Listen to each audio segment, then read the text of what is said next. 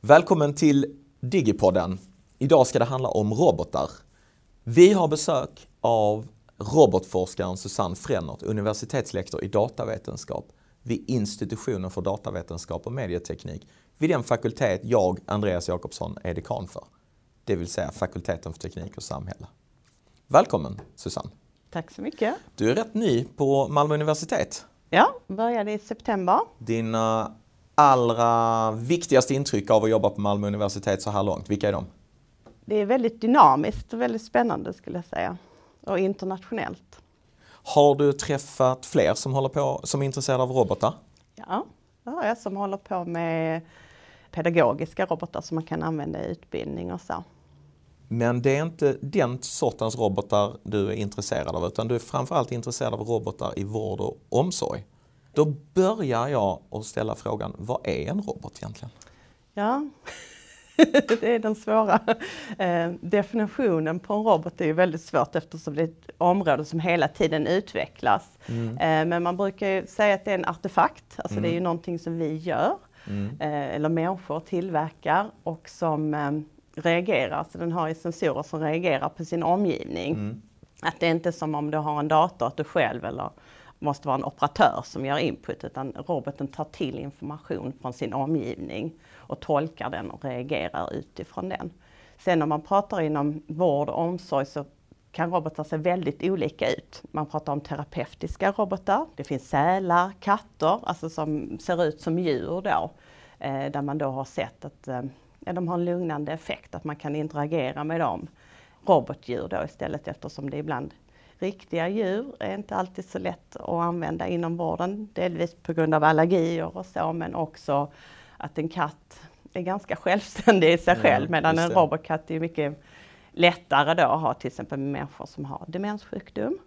Sen pratar man ju om andra sorters robotar då som är mer funktionella robotar mm. som till exempel kan eh, påminna om du behöver ta din medicin.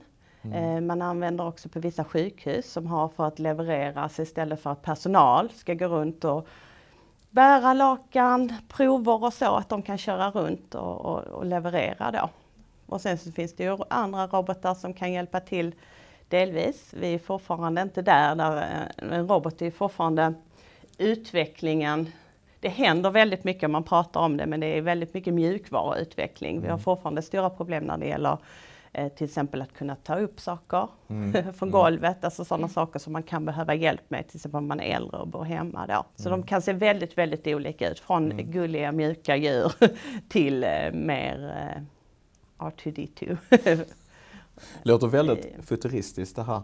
Hur kommer det sig att du har intresserat dig för robotar just inom det här området då? Alltså delvis så har det blivit så att det handlar väldigt mycket om utlysningar där du söker pengar mm. Mm. som är väldigt riktade. Och tittar man då, jag har jobbat mycket EU-projekt mm. eh, där det handlar väldigt mycket om att vi har en, geografisk, eller en demografisk förändring, att mm. vi har en åldrande befolkning.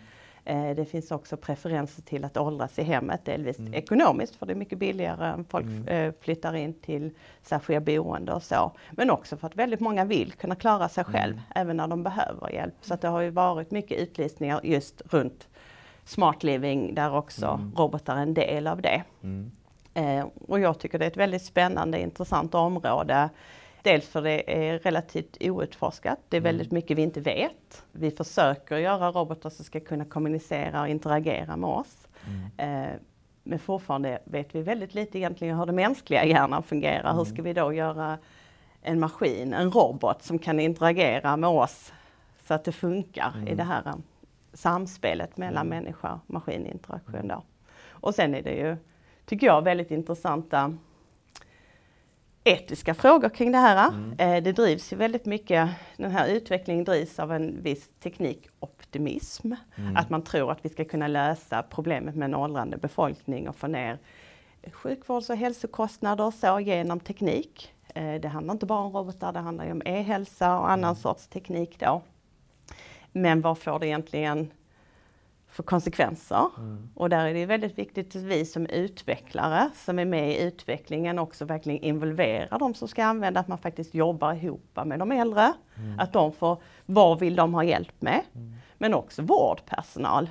För det finns ju väldigt mycket etiska frågor men också när det kommer till robotar så är ett stort problem att alla tror att de vet vad en robot är, mm. för de har sett mm. filmer. Så det mm. finns den här visionen. Så det finns också en rädsla som är ganska, idag skulle jag säga, ganska obefogad. För att vi är absolut inte där där filmerna är vad en robot kan göra, utan de är ju ganska begränsade. Mm.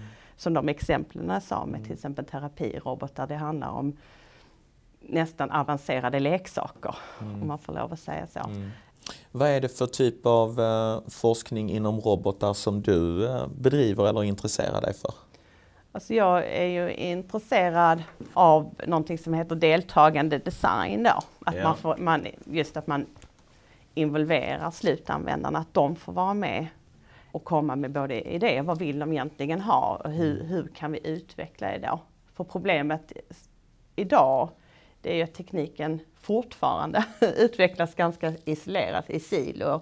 Och sen så måste sjukvården och, och, och ja, och slutanvändare, de måste anpassa sig till det som finns. Att de är inte tillräckligt involverade.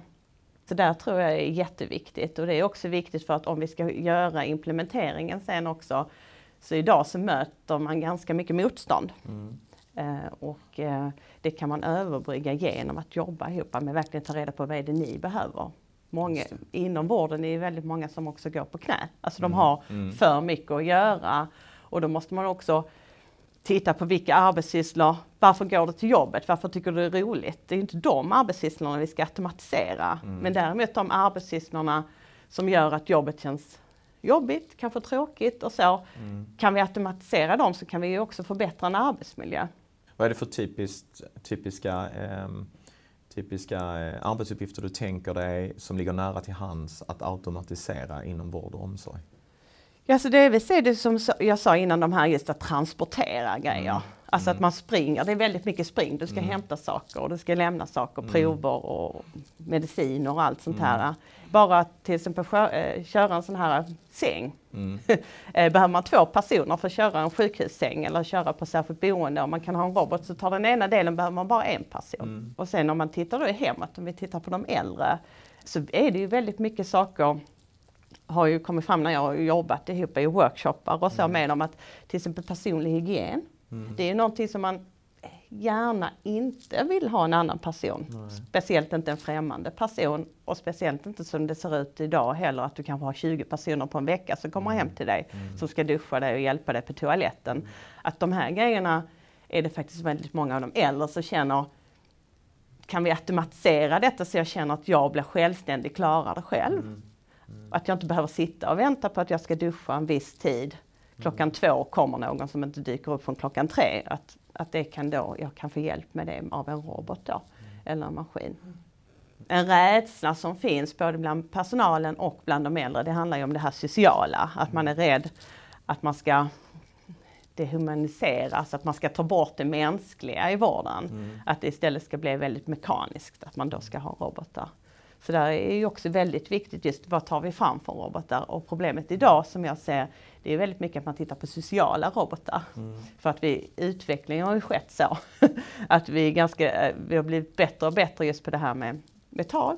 Alltså mm. talsyntes och så att man kan eh, prata med maskinerna medan fortfarande som jag sa att hårdvaran och, och få det mekaniskt att funka är en mycket större utmaning. Mm. Där man kanske inte lägger riktigt samma energi heller.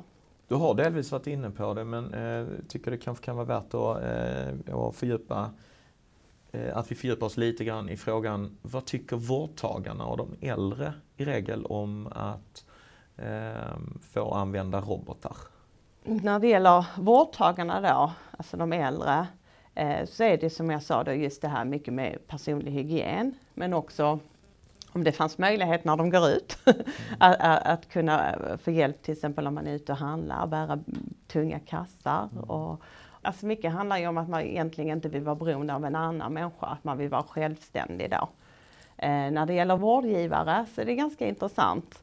För jag har haft massa workshoppar med de som utbildar sig till eh, undersköterskor. Mm. De är väldigt rädda för robotar, eller de ser det som ett hot mm. mot deras mm. jobb faktiskt. Mm. Men däremot så kommer det ju då fram Eh, tunga lyft till exempel, det finns ju sådana här eh, exoskelett mm. som, som man kan ha på sig som hjälper till vid tunga lyft, som kan hjälpa en med vissa avlastningar då.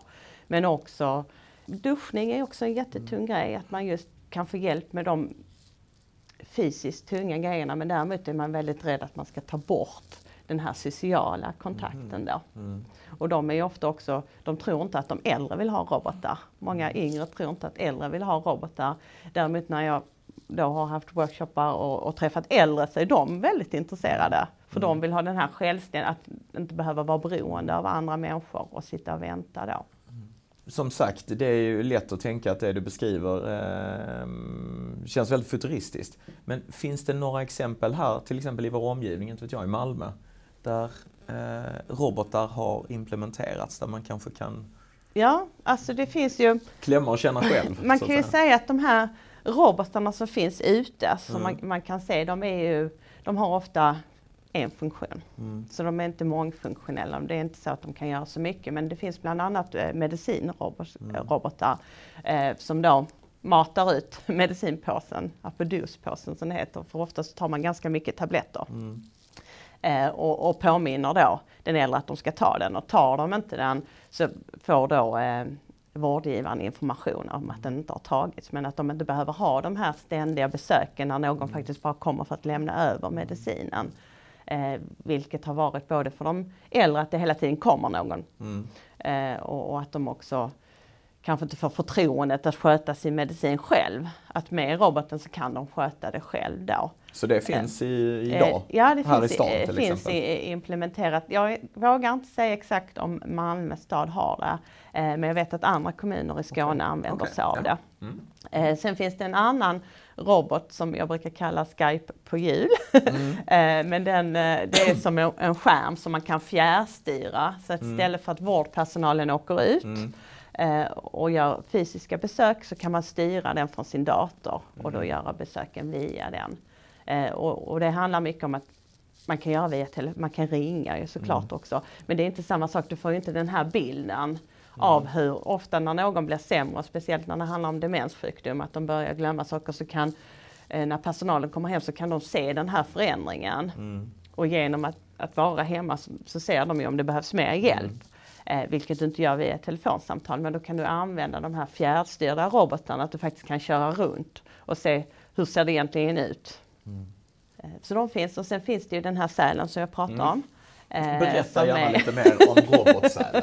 eh, det är ju eh, Tanken bakom den, den här sälen det är ju att, att vi, de flesta av oss har ingen som helst erfarenhet av sälar.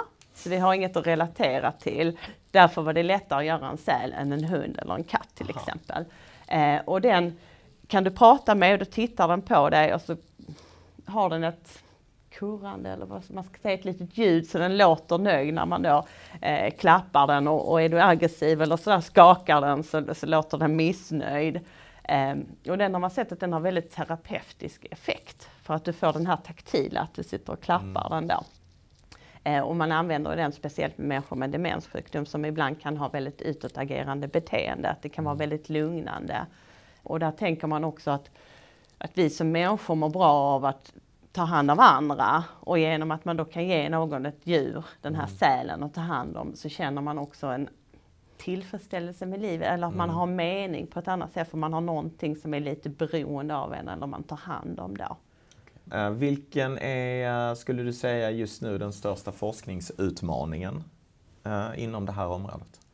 Ja, det finns ju flera utmaningar egentligen, men en av de, de, största utmaningarna är ju egentligen att som sagt att det finns ganska få robotar just nu.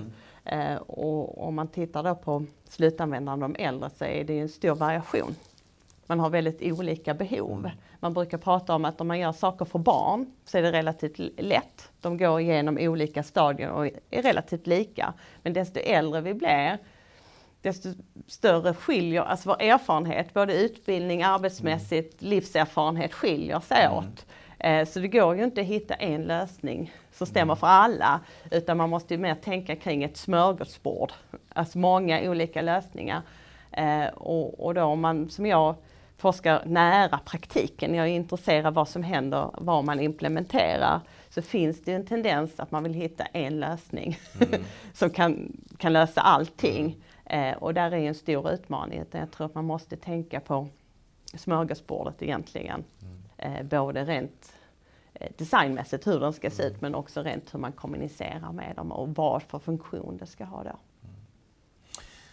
Avslutningsvis, hur ser framtidens vårdinrättningar för äldre ut? Alltså jag tror att vi, de här uh, traditionella särskilda boende eh, som man flyttar in till när man inte klarar sig hemma, alltså när man inte kan bo själv hemma, de kommer, det kommer förändras. Vi kommer säkert åldras mycket mer i hemmet med hjälp av teknik. Om det blir fysiska robotar eller om det blir andra smarta lösningar, det, det är svårt att säga. Men jag tror att vi kommer att se mycket mer automatiserade just när det gäller de här funktionella grejerna som pratar om hygien. Mm. Eh, det ser man ju bara de här asiatiska toaletterna mm. eh, som till viss del kan ju vara en hjälp. Men att, det kommer vi se mycket mer. Mm. Men jag tror att eh just det åldras i hemmet och då måste man ju också bygga bostäderna annorlunda och också göra det möjligt att använda tekniken. Ja. Tack så jättemycket Susanne Frennert, universitetslektor i datavetenskap vid Malmö universitet för ett mycket intressant samtal om robotar i vård och äldreomsorg.